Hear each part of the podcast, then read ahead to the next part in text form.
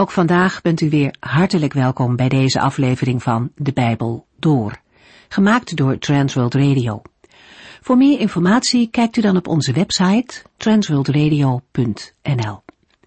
In deze serie gaat u in vijf jaar tijd met ons de Bijbel door, van Genesis 1 tot en met het laatste vers in Openbaring 22. We lazen de vorige keer in Efeziërs hoofdstuk 1 de versen 7 tot en met 9. We gaan vandaag nog even verder met andere aspecten uit deze versen. Als u regelmatig luistert, dan zult u merken dat we wat uitgebreider stilstaan bij dit hoofdstuk. Dat biedt de mogelijkheid om sommige onderwerpen wat meer uit te diepen. En toch kan dat juist ook vragen bij u oproepen voelt u zich vooral vrij om ons een keertje te bellen of te mailen. Wij vinden het fijn om van te horen. En alle informatie waarmee u dat kunt doen staat op www.transworldradio.nl. Vers 7 in deze brief aan de Efeziërs gaat in op het geheim waarom de Heere God zijn eigen, zijn enige zoon naar de wereld liet gaan. Meer kon hij niet geven. Een overtuigender bewijs van Gods liefde is er niet.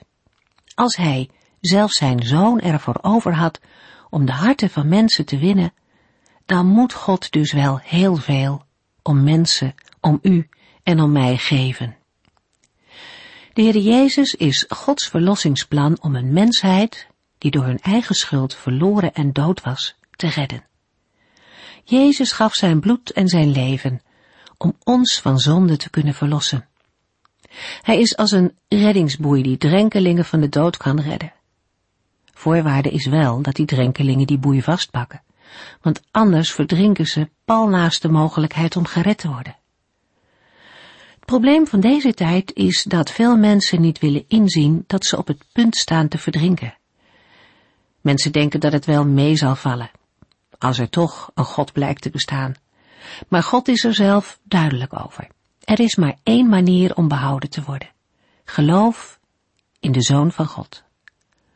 Als er een andere manier mogelijk was, dan zou hij toch immers nooit zijn zoon, waarvan hij intens hield, hebben opgeofferd. Het was de enige kans dat het nog goed zou kunnen komen. En God had het ervoor over. En dat feit maakt het ten ene male onmogelijk om tegen hem te zeggen dat wij het beter weten, dat er meer en andere oplossingen zijn voor het zondeprobleem. Lieve mensen, er is maar één weg naar het leven, en dat is de Zoon van God. Dat blijft overeind staan, ook in een tijd waarin die boodschap bij veel mensen niet meer populair is. Ook dan geldt dat wie zijn vertrouwen op de Zoon van God stelt, niet beschaamd uit zal komen. Dankzij Hem zijn alle zonden ons vergeven. We mogen leven uit een rijke genade. In de vorige uitzending hebben we al stilgestaan bij de bedoeling van de Heere. In vers 5 brengt de apostel Paulus onder woorden dat het altijd de bedoeling van God geweest is om mensen op grond van het werk van Christus als zijn kinderen aan te nemen, opdat wij hem zouden prijzen voor zijn onovertroffen genade. Juist door zijn geliefde zoon heeft de Heere laten ervaren hoe buitengewoon goed hij is. Zijn goedheid is gebleken uit het feit dat Christus zijn leven en zijn bloed heeft gegeven om ons van de zonde te verlossen. Het geweldige daarvan is dat alles wat wij hebben misdaan, ons, op grond van het werk van Christus, is vergeven. Zo rijke genade kan een mens niet bedenken en ook niet geven. In Efeziërs 1 vers 8 hebben we gelezen, en dat niet alleen, God heeft ons alle wijsheid en inzicht gegeven. De versen 8 tot en met 10 geven een illustratie van de buitengewone rijkdom van Gods genade, waar vers 7 van spreekt. Door een opeenhoping van synoniemen en door het kiezen van sterke woorden maakt de apostel Paulus die rijke genade ook voelbaar. Wijsheid is in vers 8 weet hebben van de betekenis van Gods heilsplan en verstand de toepassing van dat inzicht op de praktijk van het dagelijkse leven. In Filippenzen 1 vers 9 is dat het gebed van de apostel voor de gelovigen in de stad Filippi.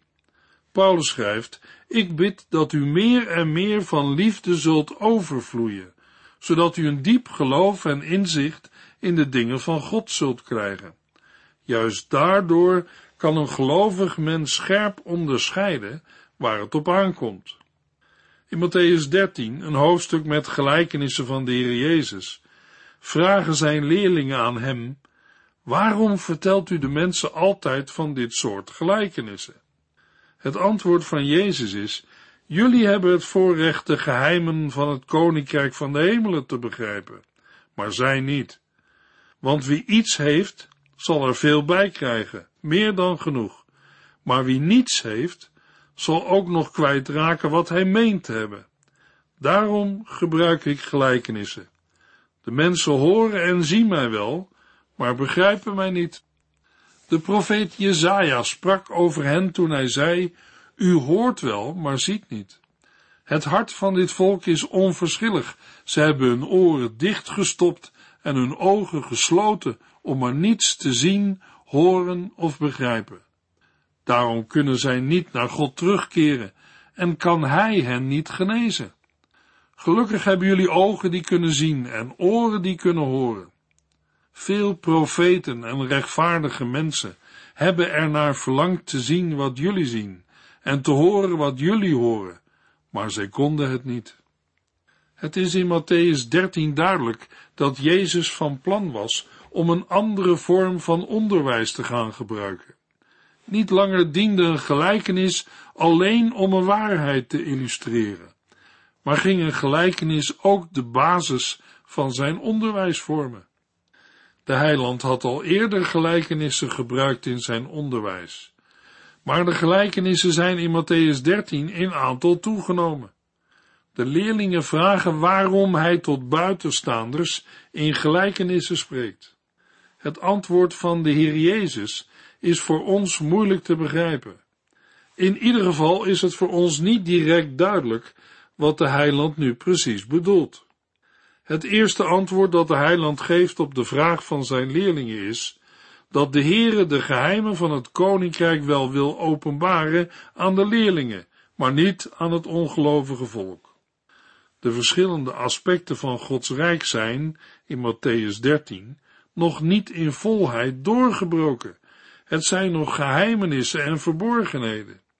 Jezus bidt in Matthäus 11, vers 25, Vader, Heer van hemel en aarde, dank u wel, dat u aan kleine kinderen hebt bekendgemaakt, wat u voor wijzen en geleerden verborgen hebt gehouden. Ja, vader, want zo hebt u het gewild. De goddelijke waarheden worden geheimenissen genoemd, omdat niemand ze kan begrijpen zonder een openbaring van de Heilige Geest. Ze zijn verborgenheden voor degenen die alleen oog hebben voor uiterlijkheden, maar voor hen aan wie het door de Heilige Geest wordt geopenbaard, zijn het te begrijpen waarheden. De nadruk ligt op het feit dat het kennen van de verborgenheden van het komende rijk van God een genadegift van de Heer is. Deze geheimenissen moeten een mens worden geopenbaard en de kennis ervan moet een mens worden gegeven. Efeziërs 1 vers 9 Hij verlangde ernaar ons het geheim bekend te maken waarom hij Christus heeft gestuurd. Een geheim, een mysterie of een verborgenheid was een geliefdkoos begrip in de godsdiensten en verschillende filosofieën rondom Israël. Daartegenover ziet de apostel Paulus de rijkdom van het christelijk geloof, dat het geheim van Gods heilsplan in het evangelie tot openbaring is gekomen. De apostel vraagt in Efeziërs 6 vers 19 daar ook voorbeden voor, met de woorden, bid ook voor mij. Vraag God mij de juiste woorden te geven als ik mijn mond open doe, zodat ik vrijmoedig het geheimenis van het goede nieuws bekend mag maken. In Colossense 1 vers 25 tot en met 29 schrijft Paulus, God heeft mij immers opgedragen de gemeente te dienen door haar alles over zijn woord te vertellen. dat heeft God door de eeuwen heen verborgen gehouden, maar nu bekend gemaakt aan hen die hem liefhebben en voor hem willen leven. Hij wilde dat ze zouden weten wat een rijk en prachtig geheim hij voor alle volken heeft. Dit is het geheim, dat Christus in u leeft. Hij is uw hoop op Gods heerlijkheid. Overal waar wij komen vertellen wij de mensen over Christus. Wij waarschuwen en onderwijzen hen in alle wijsheid. Wij willen graag iedere mens aan God voorstellen, volmaakt door wat Christus voor hem gedaan heeft. Dit is mijn werk. Ik kan het alleen maar doen doordat ik van Christus de kracht daarvoor krijg. Ook aan de Corinthiërs heeft Paulus dezelfde dingen geschreven. Wat wij zeggen, is wijsheid voor de gelovigen die het begrijpen. Deze wijsheid is niet van de wereld, noch van haar leiders, die eens ten val komen. Wat wij zeggen is Gods wijsheid, die tot nu toe verborgen is geweest. Voor het begin van de wereld had hij zijn plan al klaar om ons in de heerlijkheid te brengen. De leiders van deze wereld hebben geen van alle ervan geweten, want anders zouden zij de Heer van de heerlijkheid niet aan het kruis hebben geslagen. Dat staat ook in de boeken, want niemand heeft gezien, niemand heeft gehoord, en wat niemand ooit heeft bedacht, dat heeft God allemaal klaar voor hen die Hem liefhebben. God heeft het ons door de geest duidelijk gemaakt, want voor de geest is niets verborgen, zelfs het diepste wezen van God niet. Het geheim waarom de Heere Christus heeft gestuurd, omvat veel meer dan alleen de verlossing van mensen. Gods eeuwige raadsplan was lange tijd voor mensen verborgen, maar is met de komst van Christus openbaar geworden, onthuld en bekendgemaakt. De woorden hij verlangde ernaar het bekend te maken geeft aan dat het geheimenis haar oorsprong heeft in de Heere zelf. Het is Gods onovertroffen genade, al voordat hij de wereld maakte. Efeziërs 1 vers 10 Hij heeft besloten alles in de hemel en op aarde bijeen te brengen onder het absolute gezag van Christus, als de tijd rijp is. De wereldgeschiedenis verloopt in fasen. Als Paulus hier spreekt van als de tijd rijp is, of, zoals in andere vertalingen, de volheid der tijden, zit daar het beeld achter van een vrucht die volgroeid is, of van een vat dat vol raakt. Als de vrucht volgroeid en rijp is, of als het vat vol is, is de door God gestelde tijd ten einde. Mensen en machten, zowel op aarde als in de hemel, hebben zich verzelfstandigd, losgemaakt van Gods bestuur. Maar in vers 10 wordt gezegd dat de Heere zich heeft voorgenomen alles in de hemel en op aarde bijeen te brengen onder het absolute gezag van Christus als de tijd rijp is. De informatie die de apostel verderop in het hoofdstuk daarover geeft, moeten we aan vers 10 toevoegen. Efeziërs 1 vers 21 en 22. Nu is hij, Christus, hoog verheven boven elk gezag, elke macht, kracht en regering, boven alles waarvoor men respect heeft. Niet alleen in deze wereld, maar ook in de wereld die komt. God heeft letterlijk alles aan Christus onderworpen en hem als hoofd aangesteld over alles, voor de gemeente. In het eerste hoofdstuk van de brief van Paulus aan de Colossensen worden door de apostel een aantal bijzondere dingen van Christus gezegd. In Colossense 1 vers 15 lezen we dat in de persoon van Christus de onzichtbare God zichtbaar is geworden. In vers 16 wordt gezegd dat in Christus alles in de hemelen en op aarde is geschapen, al het zichtbare en onzichtbare. Zelfs zaken waarbij wij als mensen dat verband niet direct leggen, namelijk bij koningen en wereldheersers, regeringen en andere autoriteiten. Alles is in Christus gemaakt tot zijn eer. In Colossense 1 vers 17 lezen we, hij was er al voordat er iets bestond en alles wat bestaat is er dankzij hem. In vers 18 tot en met 20 lezen we, hij is het hoofd van de gemeente, de kerk, zijn lichaam. Hij is het begin van alles en ging ons, de gelovigen, als eerste voor in de opstanding uit de dood. In alles is hij de eerste, want God had besloten met zijn hele wezen in zijn zoon te wonen. Door zijn zoon heeft God een altijd durende vrede gesticht tussen zichzelf en alles wat in de hemelen en op de aarde is. Mogelijk dat een luisteraar vraagt, hoe heeft God dat gedaan? Het staat in Colossense 1 vers 20, namelijk doordat Christus zich aan het kruis heeft opgeofferd en zijn bloed heeft gegeven, is er verzoening met God. Het plan van de Heere behelst een samenvatting van het heelal en van de wereldgeschiedenis tot de voltooiing van het koninkrijk van God, met Christus als het alles bepalende centrum en onder hem als hoofd.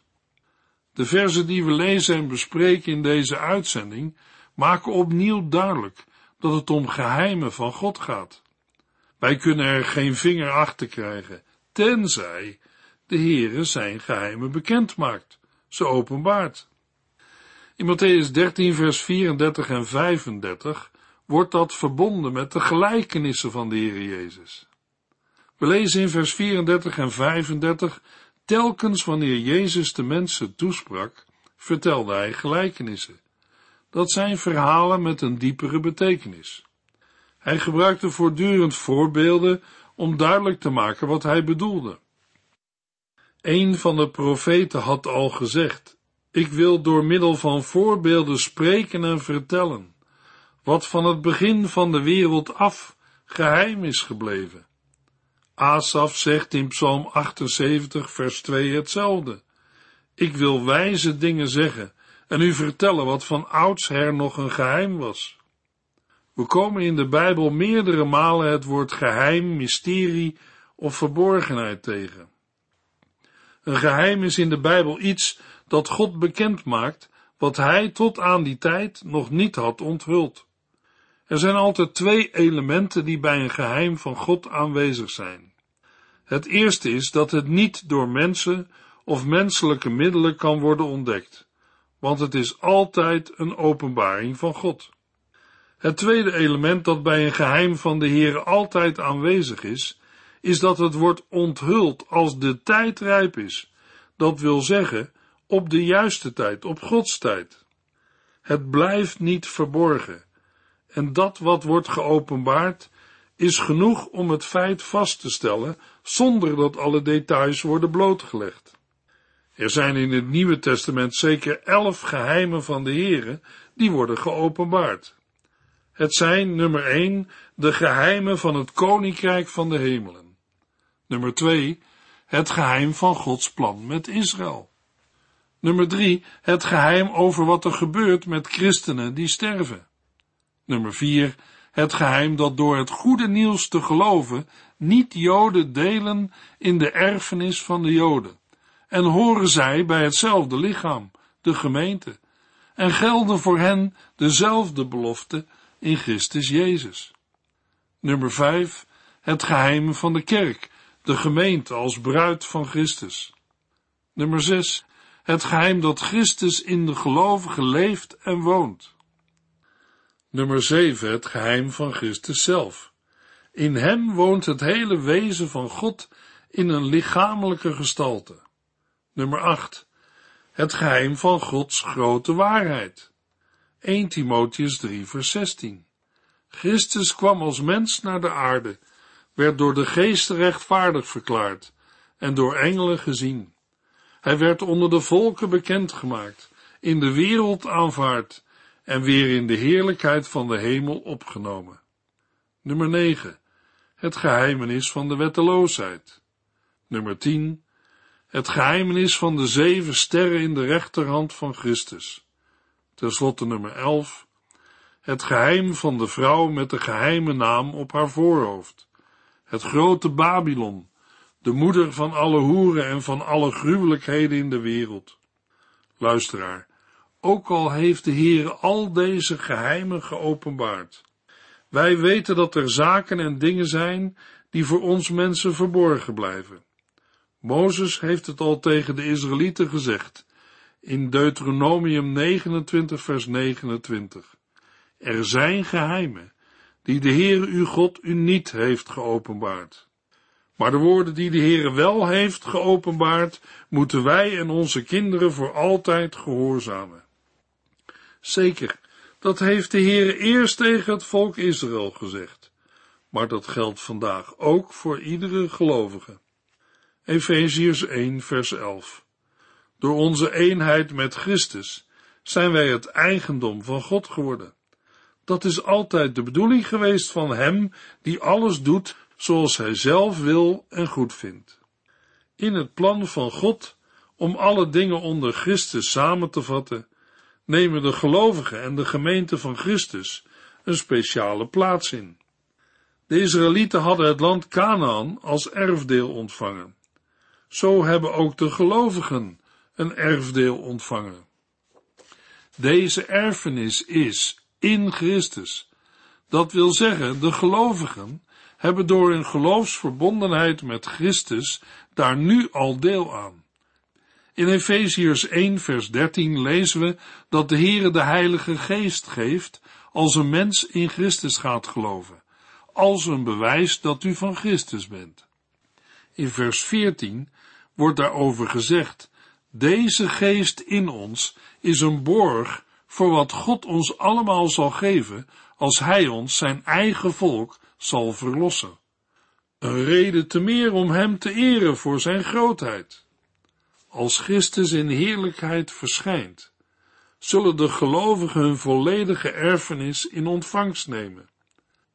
In Colossense 3 vers 4 lezen we, eens wanneer Christus, die ons leven is, zichtbaar voor iedereen zal terugkomen, zal blijken dat ook u deel hebt aan zijn glorierijke macht.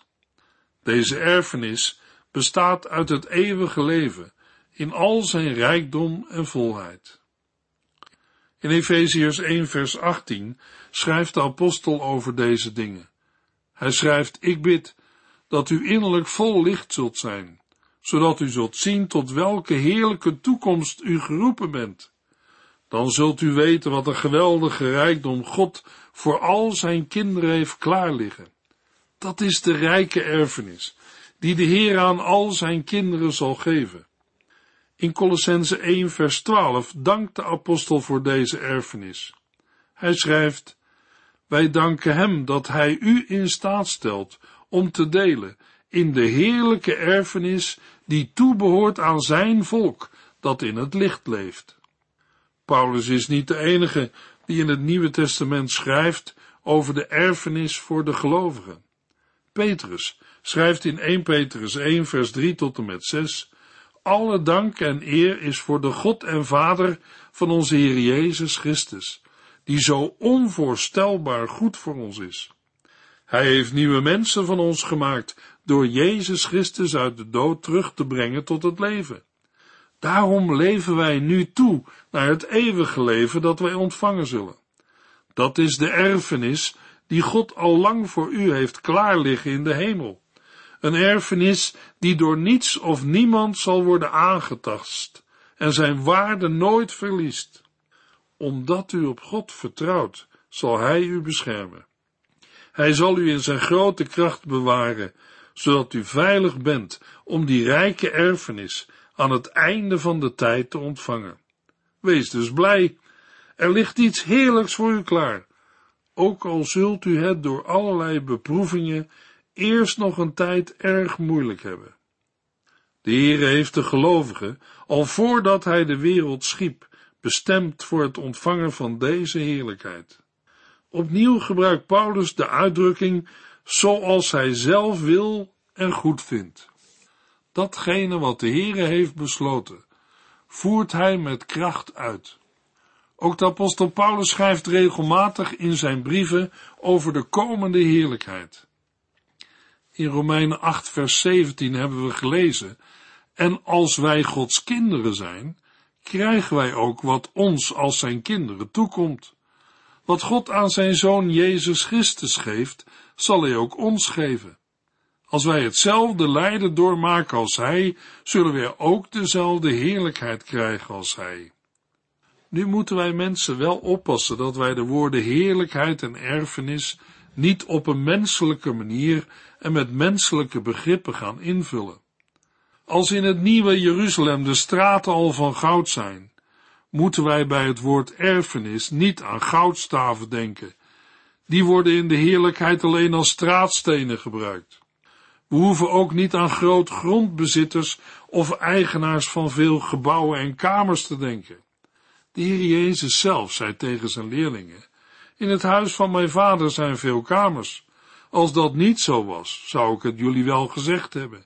Ik ga erheen om alles voor jullie in orde te maken. Wanneer ik daarmee klaar ben, kom ik terug om jullie te halen. Dan zullen jullie voor altijd bij mij zijn. Luisteraar, dat lijkt mij nu het allermooiste, om altijd bij de Here te mogen zijn. Laten wij elkaar vandaag bemoedigen door stil te staan bij de wederkomst van Christus. Hij heeft gezegd, ik kom terug om jullie op te halen. Dan zullen jullie voor altijd bij mij zijn. Paulus schrijft in 1 Corinthians 3, vers 21 tot en met 23. Kijk geen mensen naar de ogen, want in God hebt u alles al ontvangen.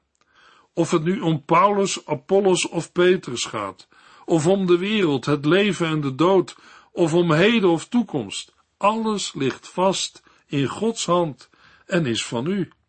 Want u bent van Christus en Christus is van God. Ik kan de lengte, breedte, diepte en hoogte van die woorden, alles ligt vast in Gods hand en is van u, niet snappen of uitleggen. Maar het tilt me boven de werkelijkheid van de dagelijkse beslommeringen en worstelingen uit. Ik ga ervan zingen, omdat het zo prachtig is. De Heer heeft het allemaal klaar liggen. Het is altijd zijn bedoeling geweest ons als zijn kinderen aan te nemen door Jezus Christus, opdat we hem zouden prijzen voor zijn onovertroffen genade. De Heere heeft ons door zijn geliefde zoon laten ervaren hoe buitengewoon goed hij is. In de volgende uitzending lezen we Efeziërs 1 vers 12 tot en met 17. U heeft geluisterd naar De Bijbel Door, in het Nederlands vertaald en bewerkt door Transworld Radio. Een programma waarin we in vijf jaar tijd de hele Bijbel doorgaan. Als u wilt reageren op deze uitzending of u heeft vragen, dan kunt u contact met ons opnemen. Tijdens kantooruren kunt u bellen op 0342 47 8432. 0342 47 8432. Ook kunt u een e-mail sturen naar de Bijbel transworldradio.nl en natuurlijk kunt u ook via de post ons bereiken. TWR, postbus 371, postcode 3770, AJ in Barneveld. Dit programma werd gepresenteerd door Cor Weda en Ike André. Techniek was in handen van Odin van Voerkom. En wij allemaal bedanken u voor het luisteren. Graag tot de volgende keer.